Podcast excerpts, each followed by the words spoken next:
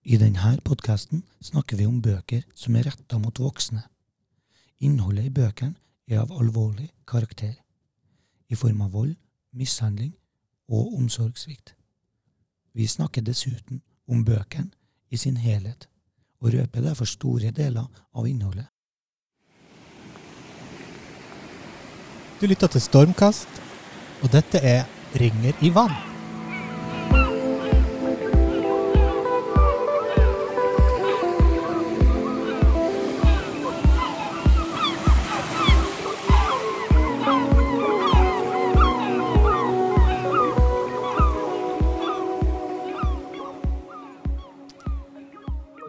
At jeg skal fortelle litt om hvem vi er? Veldig gjerne. Da kan jeg jo begynne med å introdusere meg sjøl. Jeg heter Solgunn og jobber som eh, litteraturformidler og bibliotekar her på Stormen. Og mitt etternavn er Soli. Ikke verst. Jeg heter Runar Bruteg Olsen, og jeg er også bibliotekar her på huset på Stormen bibliotek. Og vi skal dra i gang en helt ny podkastserie her som vi kaller for Ringer i vann. Mhm. På vår Stormkast-podkast. På vår Stormkast-podkast, ja. Ja. Prosjektet starta egentlig en veldig sein desemberkveld i 2010. Etter at jeg hadde lest Beate Grimsrud sin fantastisk sterke, tøffe og nydelige bok som heter En dåre fri. Jeg satte meg ned utpå kvelden og skulle lese for å anmelde i avisa jeg skrev for. Og fem timer etterpå så var jeg ferdig lest, men jeg klarte ikke å anmelde boka, for jeg syntes det var Jeg hadde ikke ord. Og fremdeles så tenker jeg at uh, det her er en av de beste bøkene jeg har lest ever. Og jeg tenkte denne boka må alle som jobber med mennesker, lese. Alle som jobber med syke barn, syke ungdommer, syke voksne, voksne som er utrygge. Fordi at man gjennom å lese denne boka kan endre måten man forstår andre mennesker på. Og det er så utrolig viktig. Ok, så da eh, Jo, da kom du fram til at det var ikke bare den boka som skulle ligge til grunn for prosjektet, eller Nei, ikke sant? Og så, had, så jobba jo ikke jeg her på Stormen, da. Da jobba jeg jo i Alta. og- Når er det her sånn cirka? Ja, det her var 2010.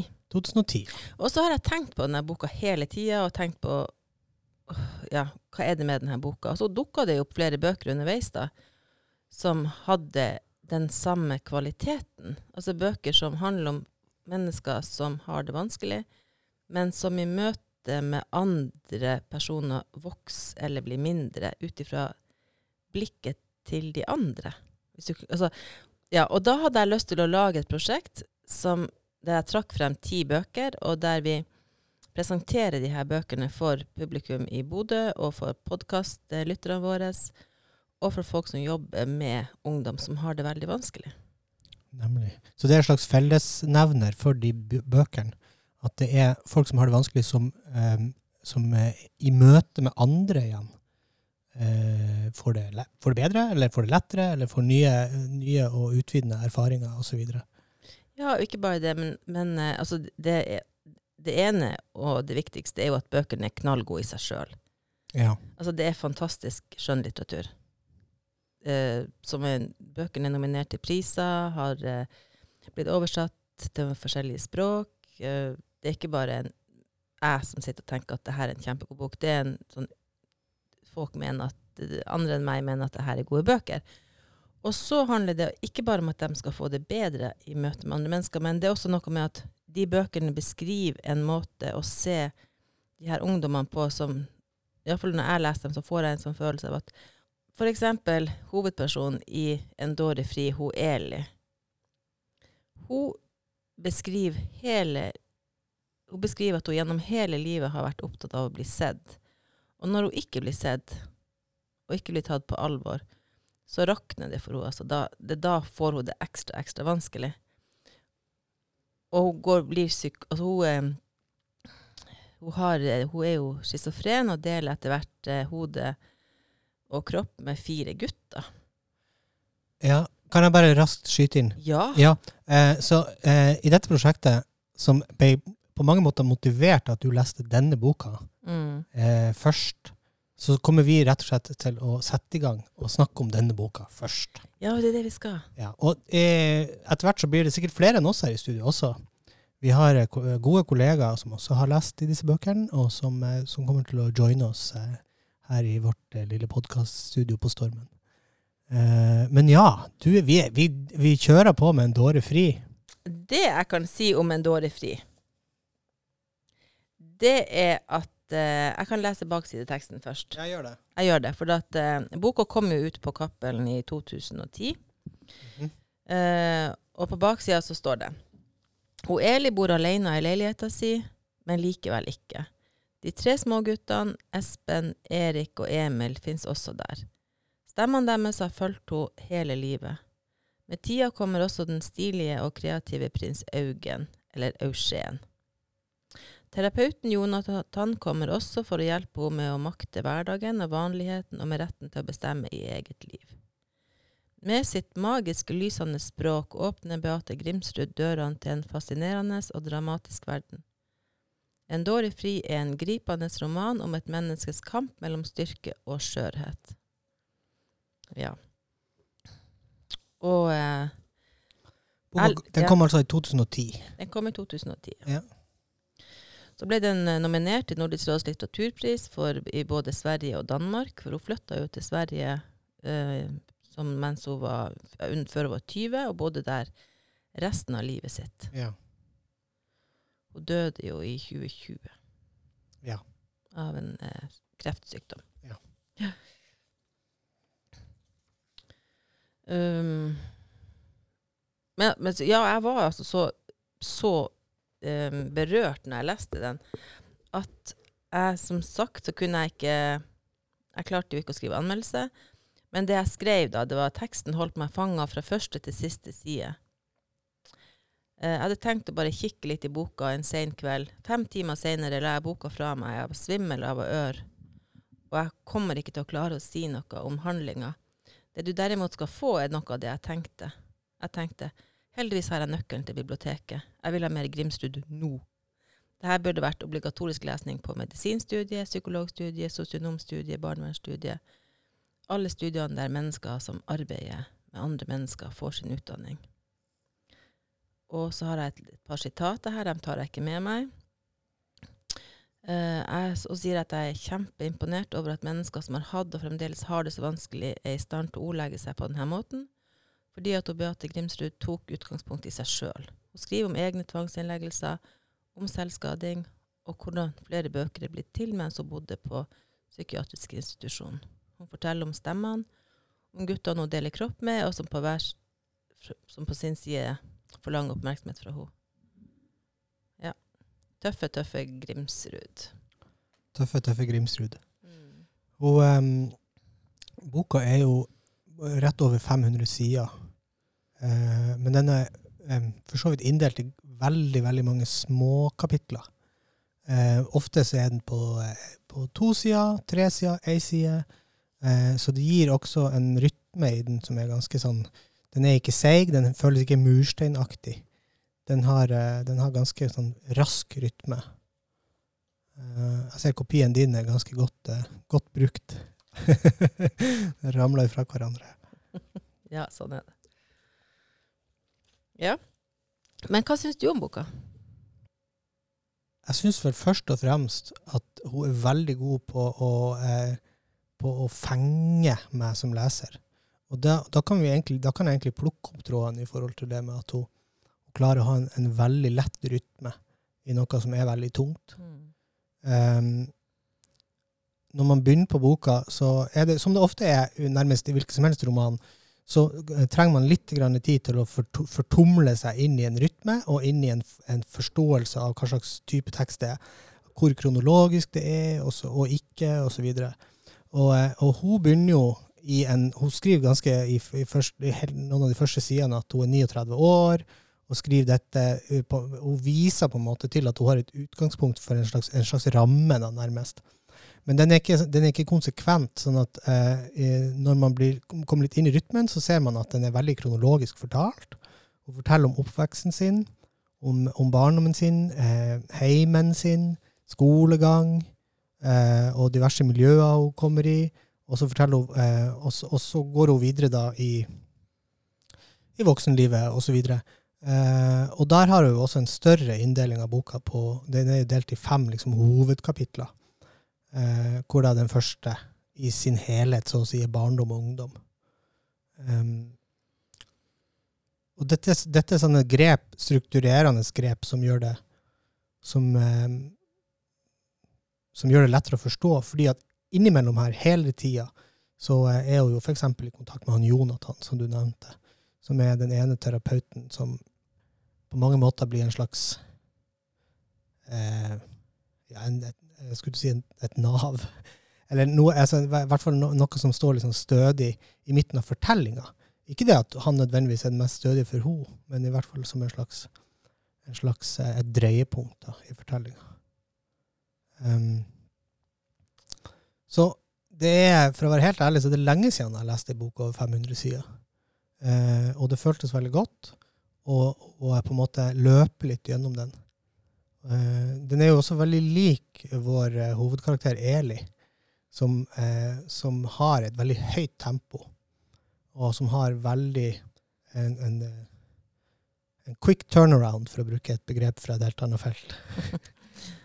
eh, så man hele tida liksom, man, man, bytter side, man går over til noe nytt, man, man er på den eh, eh, ganske sånn kontinuerlig. Det er egentlig en fin, eh, en fin egenskap ved henne som menneske, eh, og som kanskje er vanskelig å se opp i hvis man nå skulle jeg vet ikke, oversette til en form for sånn virkelighet, at man skulle møte henne på gata eller bli kjent med henne, så, eh, så, er, så er akkurat eh, så, så, kan det virke, virke, frenetisk eller manisk, men den framstår som en veldig, sånn, en veldig positiv del av hennes personlighet. Mm. Men jeg tenker sånn at eh, det ser jo ut som at hun har brukt ett år på å skrive denne boka. Fordi at eh, hun begynner med Jonathan når hun sitter og venter på han på kjøkkenet. Ja. Og på slutten så, så sier Jonathan at eh, når jeg ble kjent med deg for ett år siden, da, hun, da gikk hun i gangene på den psykiatriske institusjonen, der hun var Hun hadde jo eh, permisjon veldig ofte og var hjemme og øvde seg på å være hjemme. Og så sa han at når jeg ble kjent med deg for ett år siden, da trodde jeg ikke at du hadde så mye ressurser som du hadde. Men da sa du til meg at du var på tur for å dra på pressekonferanse fordi at du var nominert til en pris, eh, Augustprisen i Sverige. Og han hadde ikke lyst til å slippe henne ut, så noen andre måtte gå imellom og slippe henne ut. Noen andre ansatte, for han trodde at hun var for syk.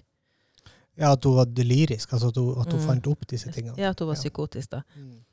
Eh, men hun har jo hun har jo skrevet så utrolig mye bra, og laga så mange filmer og skuespill og bøker, og vært med på så masse spennende som faktisk står beskrevet i denne boka, selv om hun ikke, ikke står Beate Grimsrud. Det står ja, Eli. Det er Beate Grimsrud som har gjort alle disse tingene. Det er jo akkurat det det er. Ja. Eli har sikkert eh, gjort en god del av de tingene også.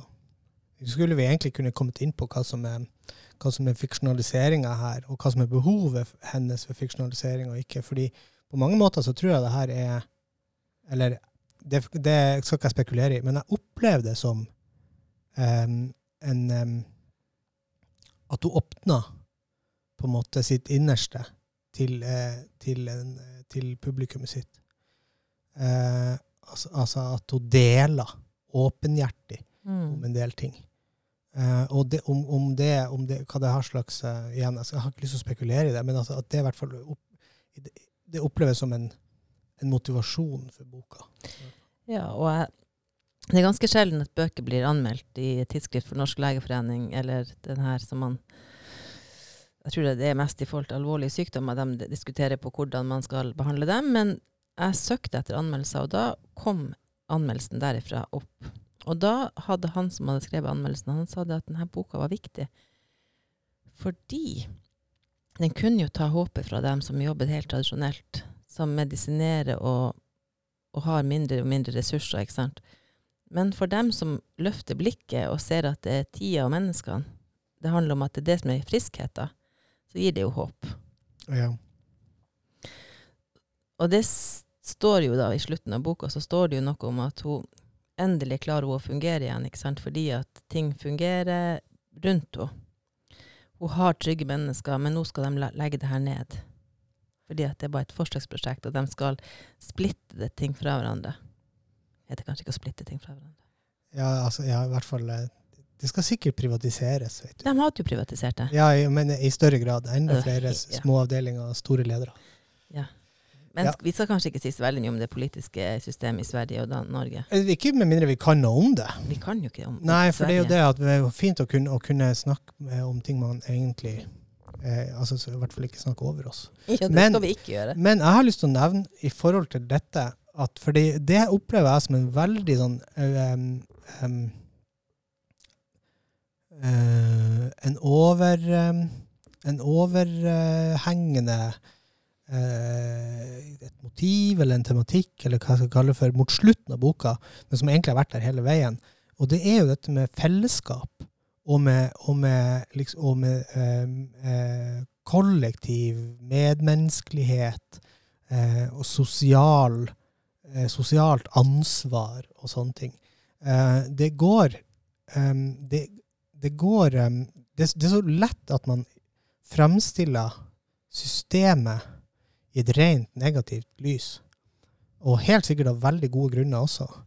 Men det hun gjør i denne boka, er jo at hun, i hvert fall så fort hun kommer inn i disse institusjonene, er at hun fremstiller eh, en førstelinje. En rekke folk med forskjellige oppgaver, sykepleiere og terapeuter og diverse, som er, som er enormt på ballen, og som er Mm. på jobb, og som er der for hun og for de andre, og som, og som hun omtaler eh, konsekvent på fornavn, og er på mange måter um, uh, På mange måter så er det hennes Altså, hun har et, hun har et rikt eh, eh, sånn, liv, sosialt liv utafor også, men at hun, at hun på mange måter har et eh, nærmest kollegaer, selv om hun er den syke, og de er de, de som behandler. Så at, at, de, at, de, eh, at de, For de jobber i fellesskap om problemstillinga, Mm. som, som er hennes mentale helse. Det er det jo. Og i tillegg så har hun jo veldig mange venner. Ja.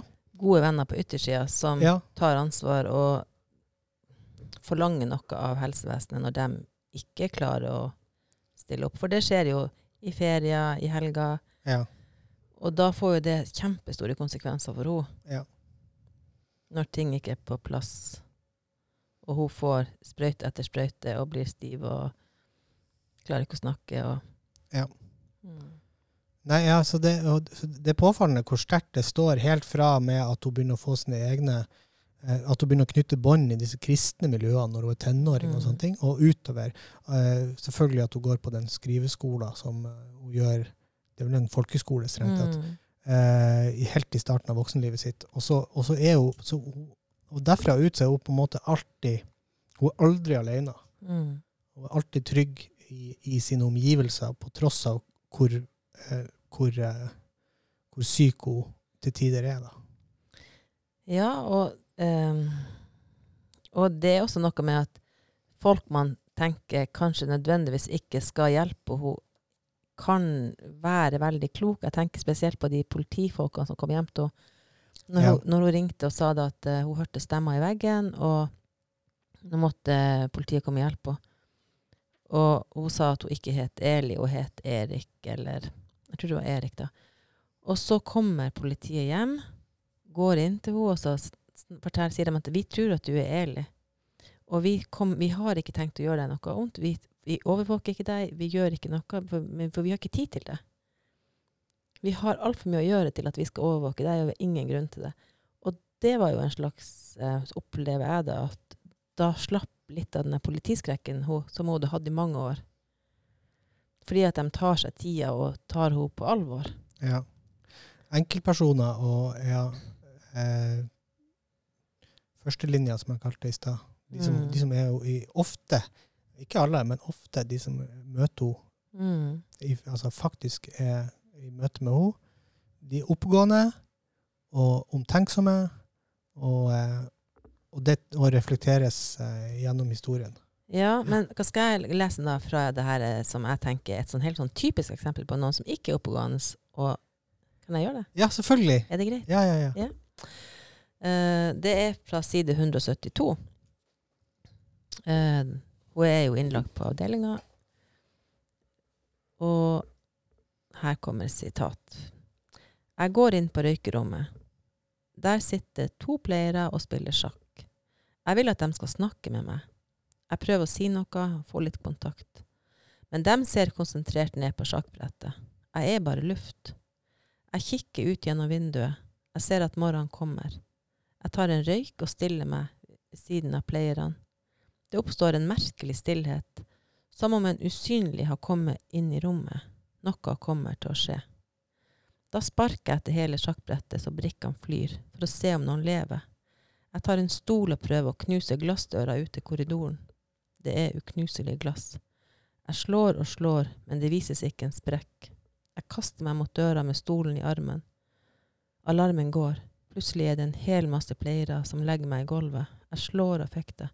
Jeg skal ikke, som den lille reven, havne ved siden av meg sjøl i en blodpøl. De er for mange.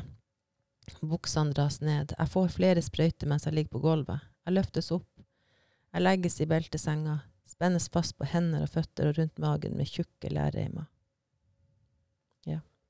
Ja, det er et veldig godt eksempel på det motsatte. Men, Mm, ja. Ja. Og det er jo en del sånne, sånne ting også. Og, og når man jobber med mennesker, så, så eller når, når vi møter mennesker, uansett, så er det liksom noe med å se eller ikke se, og at det har betydning på hvordan vi er mot andre. Det har betydning i hverdagen, og det har betydning når vi jobber med folk. ja. At vi har det med oss. fordi det er klart at de to playerne der, de hadde jo ikke akkurat Eli sitt beste. De satt og spilte sjakk. De var bare på vakt. De var på vakt, og vi har også flere beskrivelser av folk som eh, den, De eneste gangene hun har folk hos seg på natta, eller når hun ligger og sover, og no, når hun er urolig, det er jo når hun er i beltet. For Ja. da må de være der. Men de sitter jo ofte og leser ukeblader, og snakker ikke med henne, eller noe sånt, men de sitter og leser ukeblader. Og når hun ønsker seg, når hun er redd og urolig og sier at jeg, kan, kan noen sitte hos meg i kveld, for jeg har så mye angst eller jeg er så redd, så har de ikke tid til det. Da må hun på en måte utagere for å få den tryggheten som er beltene og folk som sitter ved siden av henne. Jeg tror at når, når det gikk opp for meg at det, ing, det, altså det ligger veldig lite bitterhet og veldig lite um, på en måte indignert kritikk Det ligger systemkritikk i det, men det er ikke noe sånn, det er ikke noe, det har, hun, hun bærer ikke den typen personlig kritikk i teksten sin. Og når det gikk opp for meg at det var tilfellet, så begynte jeg i stor grad å vektlegge alle, de- alle de positive Mm. erfaringene hun hadde eh, og hvor like de er så, eh, innenfor eh, systemene som utenfor systemene. Altså det, dette store, store sosiale nettverket som hun har, venner og kollegaer og, og, og, eh, og sånt, og i tillegg da disse, de, disse kontaktpersonene eh, som, eh, som befinner seg innenfor institusjonen. Og så, eh, hvis at vi skal prøve oss på noe litt sånn artig her, som det ikke sikkert vi kommer noen vei med, så, eh, så, er det jo, eh, så er det jo også påfallende at hun da har at hun da har så mange personligheter. At hun Fordi hun fungerer så godt sosialt.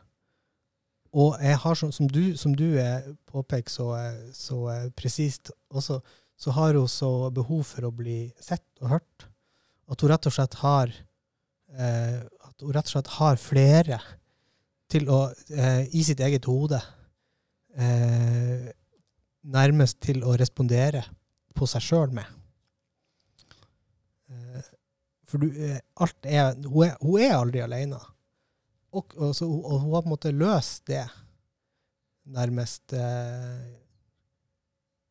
Hun har nærmest løst det gjennom psykosene sine, eller gjennom schizofrenien sin. Ja. ja. Hun er jo ikke alene, men Ja. Ja, jeg, skal, jeg, skal, jeg har lyst til å ta et par utdrag sjøl, jeg. Men eh, skal vi se, jeg tror jeg skal Det skal du få lov til. Ja, jeg skal plukke opp eh, på det jeg snakka om, på side 380, hvor hun. Hun har en drøm.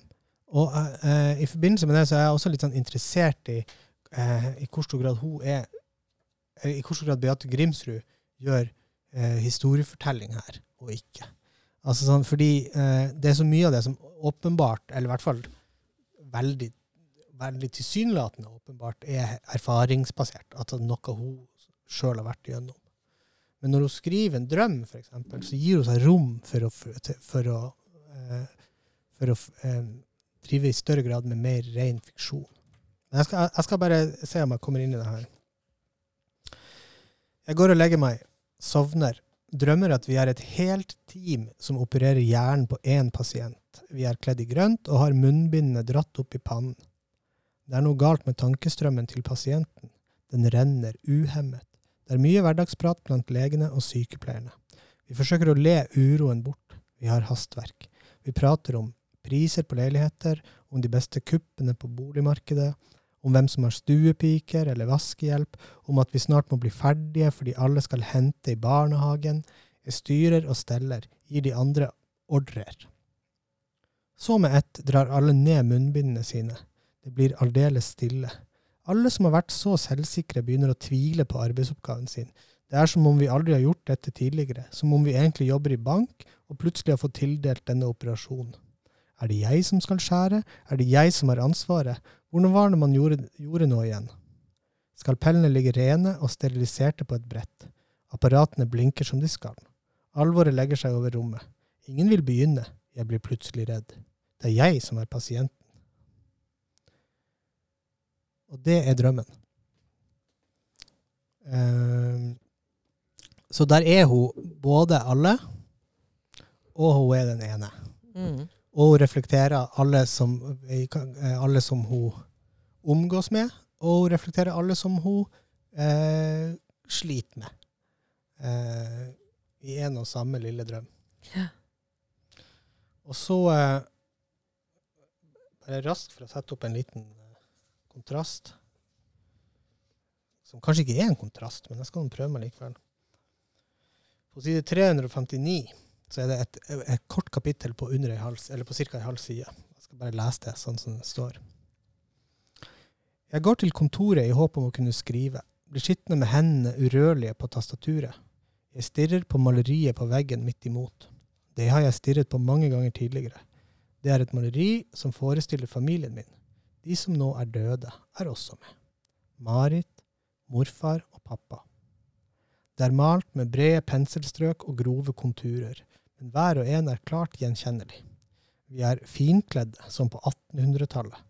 Bildet er fra dåpen til Odd. Han er kledd i hvit dåpskjole. Marit, mamma og Hild har store hatter.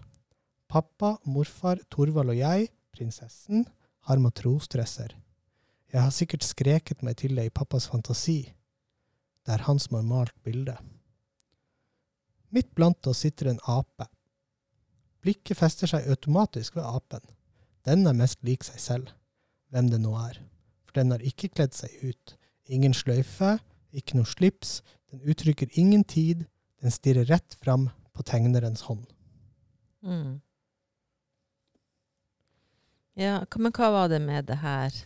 Med den her som, som du, du, tenkte Jeg tror grunnen til at jeg har dratt frem begge disse to, er fordi at eh, det, eh, eh det, det, er lett å kjenne igjen erfaringsbasert eh, hendelser. Mm. Erfaringsbaserte mm. hendelser. Eh, og innimellom så kommer hun med, med noen sånne små bilder eh, som disse to tingene, den drømmen her er, og, og, og denne opplevelsen av å sitte og se på det bildet. Og jeg tror egentlig at det ligger noen små liksom, eh, clue i disse scenene som ikke er basert på rene erfaringer. Og, og, eh, og, da kan vi snakke om eh, altså Nå har vi i stor grad snakka om det kollektive. Eh, men hvis jeg nå har fokusert lenge på det kollektive, eller på det, det, som, jeg, det som, jeg, ser på som en sånn veldig sånn eh, Nærmest jeg vet ikke hva jeg skal kalle det, men altså det, er no, det, er noe sånn optimistisk, nærmest, med, med, med, måten å forholde seg til de folkene hun har rundt seg. Ja, og så vil ja. jeg tilbake, da vil jeg tilbake igjen til det som var min. Ja, for det, det, for det, ja. jeg, det er det jeg ja, egentlig vil. Det vil jeg nå. Ja. ja. jeg har noe her. Ja, Men, men eh, bare, begynn, bare, bare, kjør rett i gang med det. Ja. Uh, jeg må bare finne den her. Utdrag. Ja. men jeg tenkte egentlig at for det som jeg syns er så interessant å høre nå, på uh, de tankene du har gjort deg, refleksjonene du har gjort deg. For vi leser jo bøkene veldig forskjellig. Uh, og, og jeg har jo lest det som altså, det er selvfølgelig, Jeg leste jo de her, Denne boka har jeg lest for 10-12-13 år siden på en måte, og jeg har kjent at jeg leste den fremdeles på den samme måten. Så mine utdrag er helt annerledes enn dine utdrag. For at jeg har tatt de utdragene der hun har hatt eh, Der hun er alene og ikke blir sett. Det er dem jeg har festa meg med og bare strekke under og gul tusj og sånn. Se her, det her, det her, det her må du lese. Så nå skal jeg bare lese et utdrag fra side 122. Eh, som handler om Det er jo i del én, da, mens vi enda er på barndommen hennes.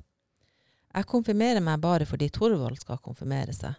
Jeg lurer meg sjøl til å tro at det er fordi jeg ikke vil sitte i hans selskap og se på når han får presanger. Men i virkeligheten er jeg nysgjerrig. Jeg har for masse følelser om å plassere dem en plass. For meg er alkohol og religion det samme. Det kiler i kroppen, det snurrer i hodet og varmer under huden. Det er som å få ballen i mål. Jeg vil teste alt som eksisterer. Torvald vil konfirmere seg fordi man skal, og fordi andre gjør det. Torvalds mål er å være vanlig. Morfar sier at han bare ordner, orker én konfirmasjonsfest, så vi må gjøre det samtidig. Jeg vil at presten og hans kone skal se meg. Vi holder til hjemme hos presteparet. Jeg vil bli sett av alle, sett av noen. Før jeg går inn, drikker jeg en kvart flaske sprit. Jeg vil at det skal lukte. Jeg vil bli utvist og oppdaga og synes synd på å få kjeft. Jeg vil bli fordømt og ikke få det jeg lengter etter. Tryggheten, fellesskapet, nåden, lykken. Jeg snøvler og sier at jeg ikke kan lese i Bibelen. Kan du ikke lese, sier prestens kone. Du går jo i åttende klasse.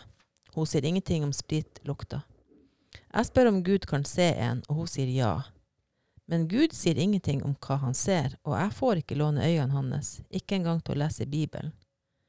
Torvald lover å ikke sladre hjemme. Når vi skal gå, tar presten meg til sida. Han har oppdaga det. Stemmen er ikke varm, han vil ikke vite grunnen til det jeg holder på med. Han sier, hvis du har drukket neste gang, så kommer du ikke inn i huset mitt, forstår du? Jeg som forsøker å bli synlig, heller ikke presten ser med øynene som vil redde meg. Kan du, huske du, har du, liksom, La du merke til det der når du leste det? Ja, ja, ja. Ja? Jeg tror, jeg tror eh, det er så sårt.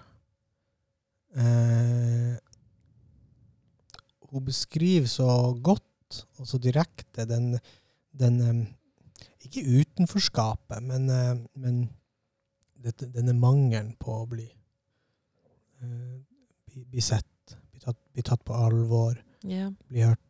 Um, og det er veldig bra. Det er veldig godt. Jeg tror rett og slett bare at jeg som leser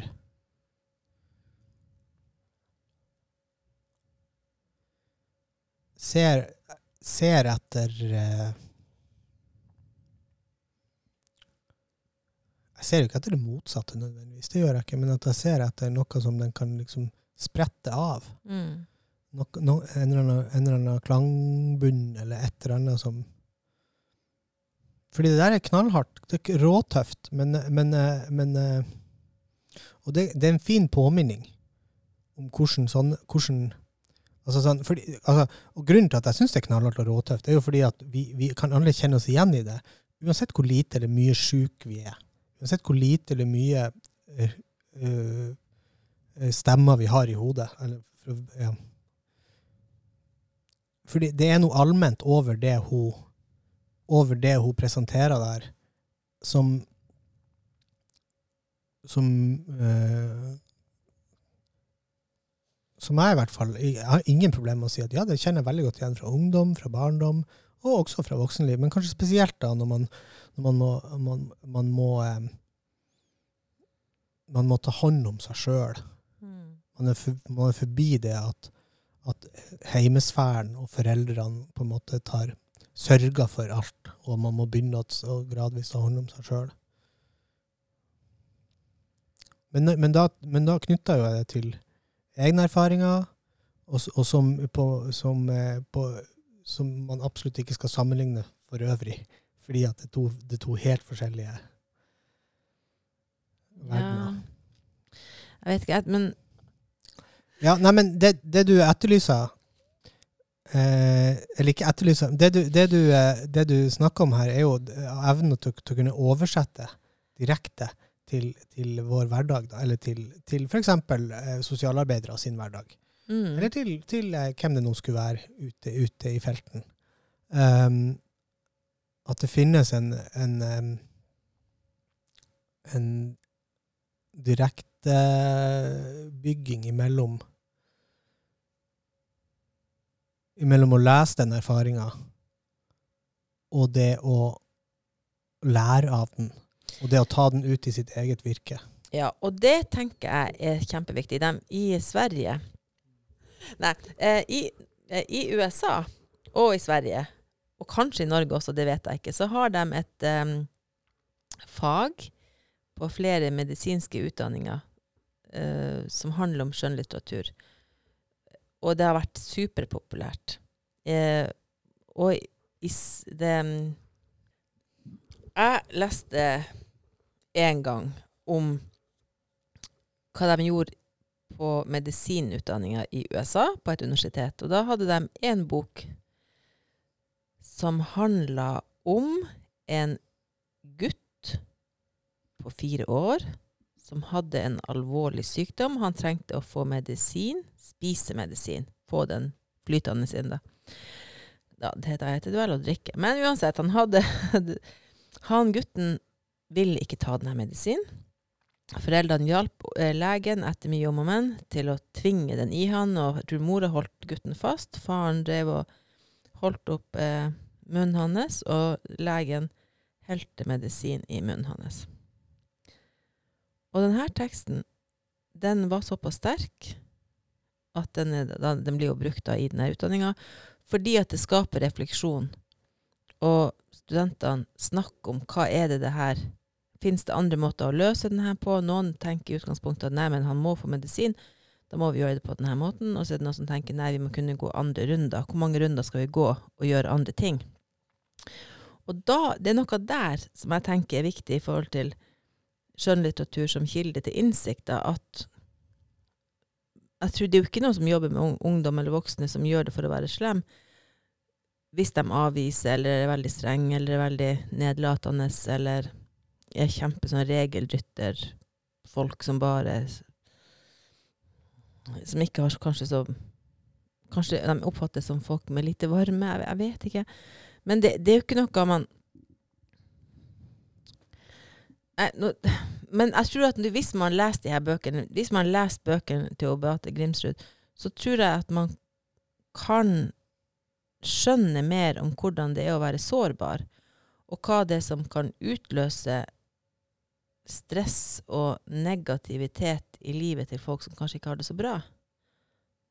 Og det kan man gjøre på en helt annen måte av å lese de her bøkene enn når man leser en sakprosabok, der, det å- der det blir skrevet klinisk hva er det å være schizofren. Ja, det her er jo, det her er jo nærmest eh, Det er jo lett å, måte, å gå til angrep på, fordi det er jo en sånn Det er jo nesten som, eh, om, sånn som Bibelen ble brukt i alle år, at man leser allegorisk. Man, man, prøver å, man prøver å presentere en problemstilling gjennom en fortelling, for sånn at, sånn at folk skal kunne si at ja, altså, Eller ikke bare Bibelen, men Aesops fabler, eller, men, og eventyr, osv. Og, eh, og problemet som oppstår i møte med, med fagene som det her på en måte handler om, om det, alle, de fag, alle de som du snakker om i stad, som de skulle hatt et, det, skulle, det skulle vært pensum på, så ramsa det opp en hel rekke fag. Mm. Ja. Um, er jo det at det er jo helt sånn anekdotisk. Sånn, sånn at eh, eh, og da, Så da må man ta det for det det er, for akkurat det. Altså, det vil si eh, eh, vi må, Det er jo som du sier, vi åpner rom for refleksjon. Det er mulig å, å, å la, å, la eh, skjønnlitteratur være klangbunn, eller være en, en, ja, åpnende Ja. Nei, jeg må formulere, formulere noe bedre enn som så. men, eh, men ja, fordi det, problemet er at det kommer, i, kommer eventuelt i konflikt med, med fagmetodikk, ikke sant? For det er jo bare, det, det er jo bare det, eh, En ting er det kan være en kjempegod bok, men det er jo bare en anekdote. ikke sant? Det er jo bare, en, sånn, det er bare noen som har skrevet noe. Det er bare noens erfaring. ikke sant? Men det er kanskje akkurat, er, det er akkurat det som er clouet. At eh, du gjør deg sjøl en erfaring som leser. Og den erfaringa kan du ta med inn i ditt virke. em, som sosionom, som ungdomsarbeider, som sykepleier, eller hva det skulle være. Um, Ja, eller altså Jeg er jo litt uenig med deg der. Ikke sånn at vi det, Ja. fin, altså, nei, nei, det det finnes jo ikke noe fasit på, på eh, altså Forskning kan vise noe, ikke sant. Det er et eller annet med at eh, en, sakpros, en sakprosabok Hvordan skal jeg forklare det her? Eh, jeg tror jo at no, en god roman gjør hjernen smartere. Altså, no, sier forskning i dag, ikke sant. Eh, skjønnlitterær forskning eh, sier at når skjønnlitteraturen har en viss litterær kvalitet, så gjør, deg, så gjør den deg flinkere til å forstå hva andre føler og mener. Ja, det er helt obvious om at du har rett i. Ja, og da er det jo da, Men ikke sant, og så er det ikke sånn at, at Altså, jeg tror at det er ikke alle som, som får en åpenbaring av å lese En dårlig fri, og kanskje noen tenker 'Å, herregud, for en elendig bok', eller at 'det her gjør meg ingenting', og det er helt meningsløst å kaste bort 500 sider. Da vil det jo bare skape en masse eh, det, å- det å kaste bort livet mitt på å lese 500 sider ja, Det vil skape motstand og negativitet, så da skal man jo ikke gjøre det. Eh, og det er ikke noe oppskrift på akkurat hva man skal oppleve og føle og forstå, men, men det gir noe i hvert fall eh, Det gir muligheten til å skjønne andre på en annen måte. For at du er jo bare egentlig i ditt eget hode. Det er ikke sikkert man skjønner seg sjøl så godt engang. Ja, er sikkert, jeg tror det er der du er inne på det. Du sier at du er uenig, men jeg har egentlig ikke noe standpunkt i dette. Jeg bare tenker at, at det, det er veldig lett å bli, å bli em, og, og, og på en måte, altså Man kan ikke likestille disse to måtene å, å tilnærme seg problematikken på. Eh, en ting er, er eh, liksom vitenskapelig eh, eller, eller i hvert fall innenfor fagene sin, eh, sin eh, metodiske tilnærming. Og- de, den utvikles jo hele tida. Den skulle man tro at, de, at eh, sakte, men sikkert eh, altså man, man kan i hvert fall velge å tro at det, går, altså, det blir bedre og bedre da, over tid. Men en annen ting er akkurat dette med at det, hva- hva som er egenverdien i leseopplevelsen. Eller da, i møtet mellom den spesifikke teksten der og den spesifikke leseren der, osv. For det er det vi snakker om her. Ja. Ja, det er det. Og det, og det er jo ikke noe sånn eh, Det er jo ikke noe motstand i det i seg sjøl. Men, men man må på en måte eventuelt finne for å bruke, med, med, med mangel på et bedre begrep, metodikken for det, da. Finne, finne ut hva som, hvordan vi allmenngjør, hvordan vi gjør det gyldig for mange at dette her er nyttig Mm. i forbindelse med hva man, hva man nå enn holder på med Mm. av sosialt Mm. arbeid. Ja. Ja men det er jo noe med at vi er jo så forskjellige. Sånn I utgangspunktet så er vi så forskjellige, så det, det hadde vært så interessant hvis det vært forska mer på det. Det forskes forskes jo mer og mer på det nå. Det her med hva kan eh, kan skjønnlitteratur tilføre oss? For hva, kunst tilføres jo masse. Musikk og Nei, men um, Men uansett, altså øh, Jeg tenker at Beate Grimsrud sin 'En dåre fri' er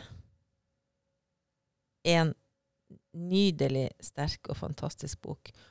Og så er det jo sånn at vi har jo snakka om det før, at det kan jo hende at Eli ikke er Beate Grimsrud, men at hun allikevel deler veldig mange av de samme erfaringene hennes. Og da har jeg lyst til å lese et utdrag Yes. fra en litt sånn absurd situasjon. Og for dere som hører på, og som ikke kjenner så mye til Beate Grimsrud sine bøker, så har hun ei bok som hun eh, fikk, ble nominert til en pris for, som heter 'Å smyge forbi en øks'. Var det det den het?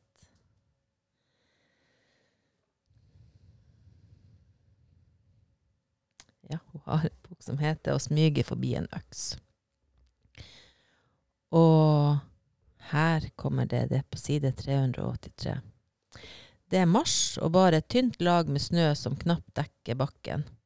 Jeg skal fotograferes for et tidsskrift. Jeg får ikke lov til å gå ut uten følge, og kontaktpersonen og sykepleieren Ingemar tilbyr seg å følge meg hjem til leiligheta mi der jeg skal treffe fotografen. 20 minutter for seint dukker hun opp, ei ung, freidig kvinne. Hun bærer på en stor øks. Jeg tenkte du skulle holde i den her. Ingemar kikker skeptisk på øksa. Inneliggende pasienter får selvfølgelig verken ha kniv eller øks eller andre farlige redskaper. Hvem later vi som han er? Kjæresten min, kanskje.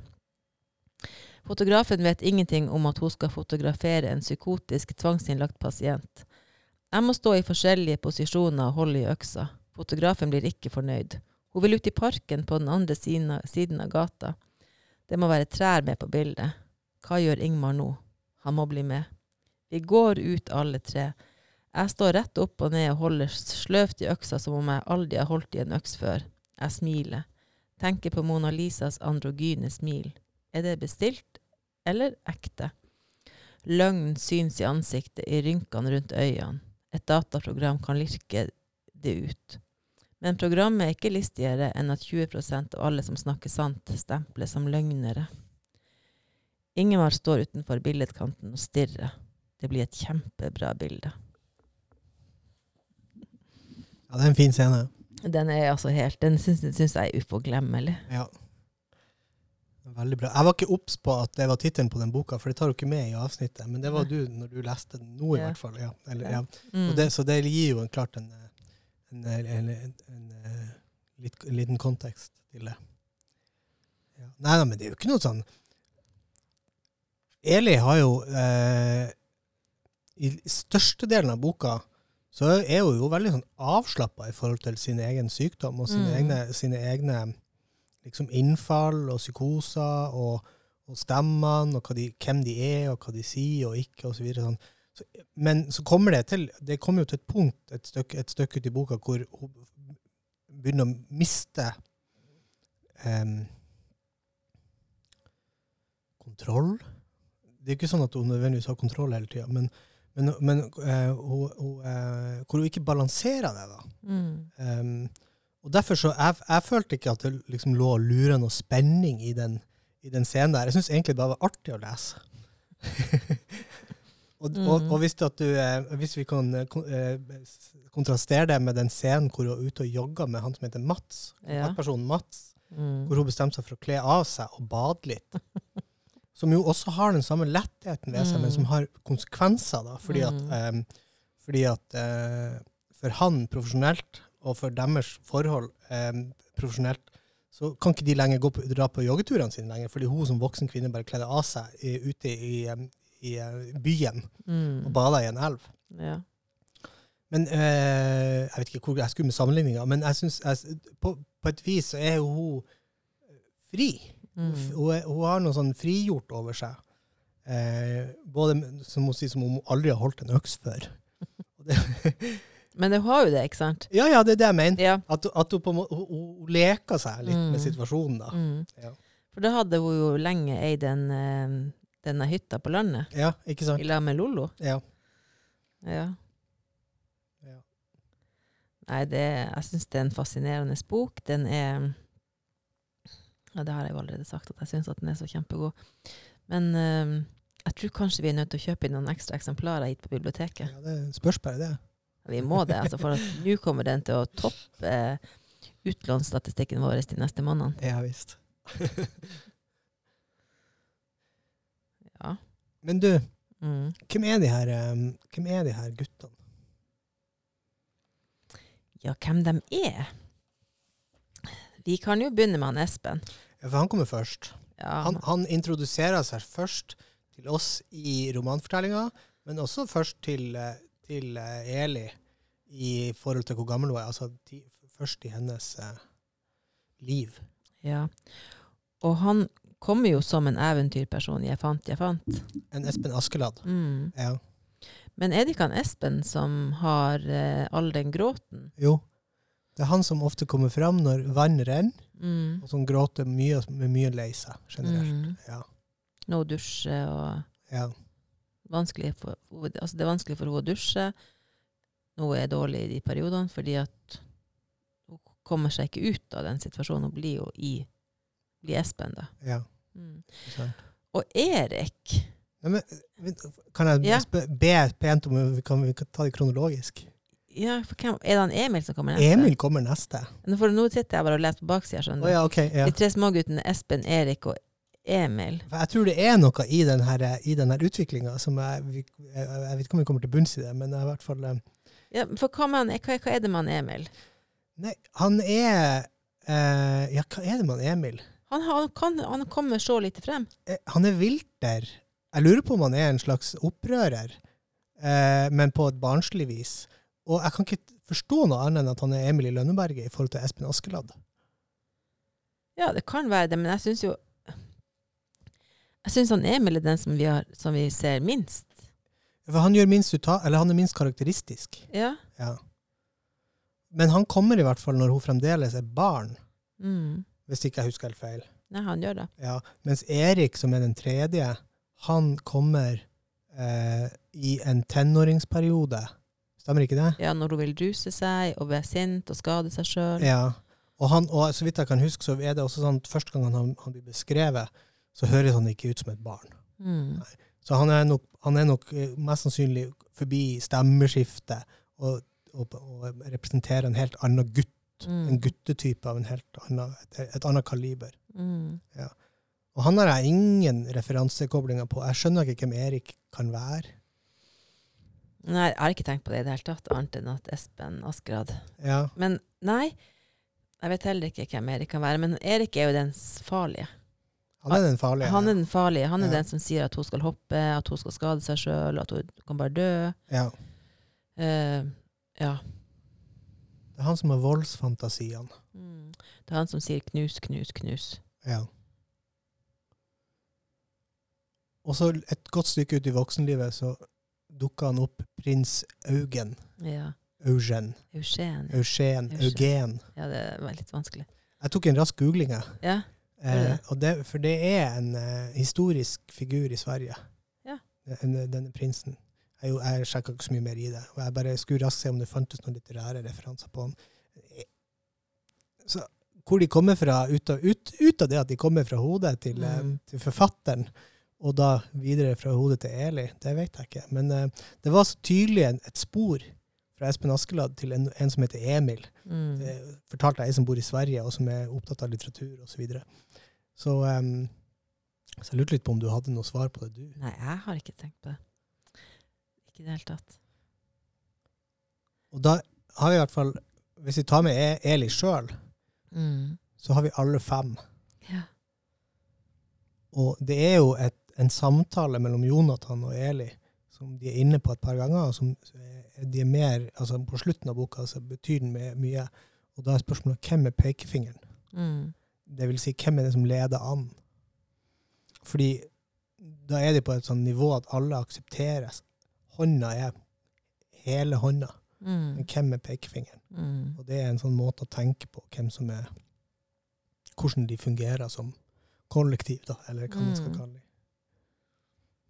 Og, det er også, og, det, og sånn, når vi først er inne på det, så syns jeg også det er veldig eh, fint hvordan det benevnes at disse guttene de utvikler seg ikke. Nei. De er de samme guttene. Mm. Selv om Eli sjøl utvikler seg og blir Ja. eldre, Mm. så gjør ikke de det. Og også det at hun en gang i tida har trengt dem. Ja, i motsetning til at hun Og at hun ikke trenger dem på slutten av boka Nei. i så stor grad. Hun har mye mer kontroll. Jeg er ikke fullt så øh, øh, optimistisk i min lesning på slutten av boka. For det er så mange ganger at et kapittel starter med at nå, er det helt, nå går det så bra. Mm. at det, Og så i det, inn, i, etter ei, ei og en halv side, så ikke så mange ganger. Du, du blir kjent med den rytmen om at når det går som best, så er hun plutselig tvangsinnlagt innlagt igjen. Så ja, Ja, og det er jo Altså, det var, det var sånn det var. det var sånn det var. Ja. Så det, så, og, ja, ja, så for Beate Grimsrud. Ja. Ja, ikke sant. Men på, eh, på slutten av boka så, ja, det, Men det er det jeg mener også med den, den eh, At jeg blir så opptatt av det kollektive og av den positive førstelinja osv. Det er noe veldig optimistisk som ligger og lurer oppå all den der eh, opp, grusomheten. Mm. Eller all, alt, det, alt det håpløse. Mm. Eh, og den er definitivt der eh, Ja, det, ja. på vei ut av romanen. Ja, jeg syns også det. Det er en eh, Det er en bok om håp, og det er en bok om styrke, og det er en bok om eh, masse flotte mennesker på, veldig mange måter. Og det er en bok om, som forteller om alternative måter å leve livet sitt på, som funker bra. Eller litt mindre bra, det er noe, kommer det an på. Men eh, også er det en bok om menneskeverd også, tenker jeg. Ja. Og det er en enorm styrke som bodde i hovedpersonen Eli. Og kanskje derfor også Nei, ikke kanskje, men også derfor i Beate Grimsrud. Altså det er jo Hun skriver jo flere ganger i boka, eller ja, Beate Grimsrud skriver i boka Jeg håper at jeg en dag blir tøff nok til å skrive om det her. ja. Og det var jo, ble hun jo. Ja, det, det er sånn som virker som et rent sånn dagboknotat. Som har Mm. fått være med hele veien i ut til den ferdige boka. Ja, pluss til alle de her eh, journalnotatene fra eh, psykiaterne. Ja. Hvordan pasienten var, hva de har putta i henne av medisiner og sprøyter, og hvordan hun reagerer. Det er jo veldig kliniske beskrivelser da, og så får vi som leser boka, vi får se hva som skjedde før, og hva som skjedde etter. Ja. I tillegg til de her journalnotatene. ja, det er sant. Akkurat det har vi ikke snakket noe om for nå. Det er jo, en, eh, det er jo et grep hun bruker. Um, det er nok en måte å Jeg har grubla litt på det. Mm. Jeg har notert det og tenkt at det, her bør vi kanskje ta opp. At det, å dra inn sånne type det, Både den typen språk, men også å sette opp i, i kursiv og, og autentisitere det på en måte som no, noe som er liksom henta ut fra en slags virkelighet. Det er, det er enda en stemme, da. Mm.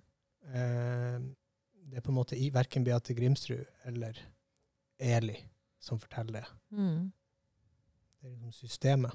Men jeg, jeg, den er ikke fremtredende nok til at jeg opplevde det som noen form for kritikk, eller Nei, det tenkte ikke jeg heller. Jeg tenkte Nei. bare, det gir bare en bare en ny dimensjon.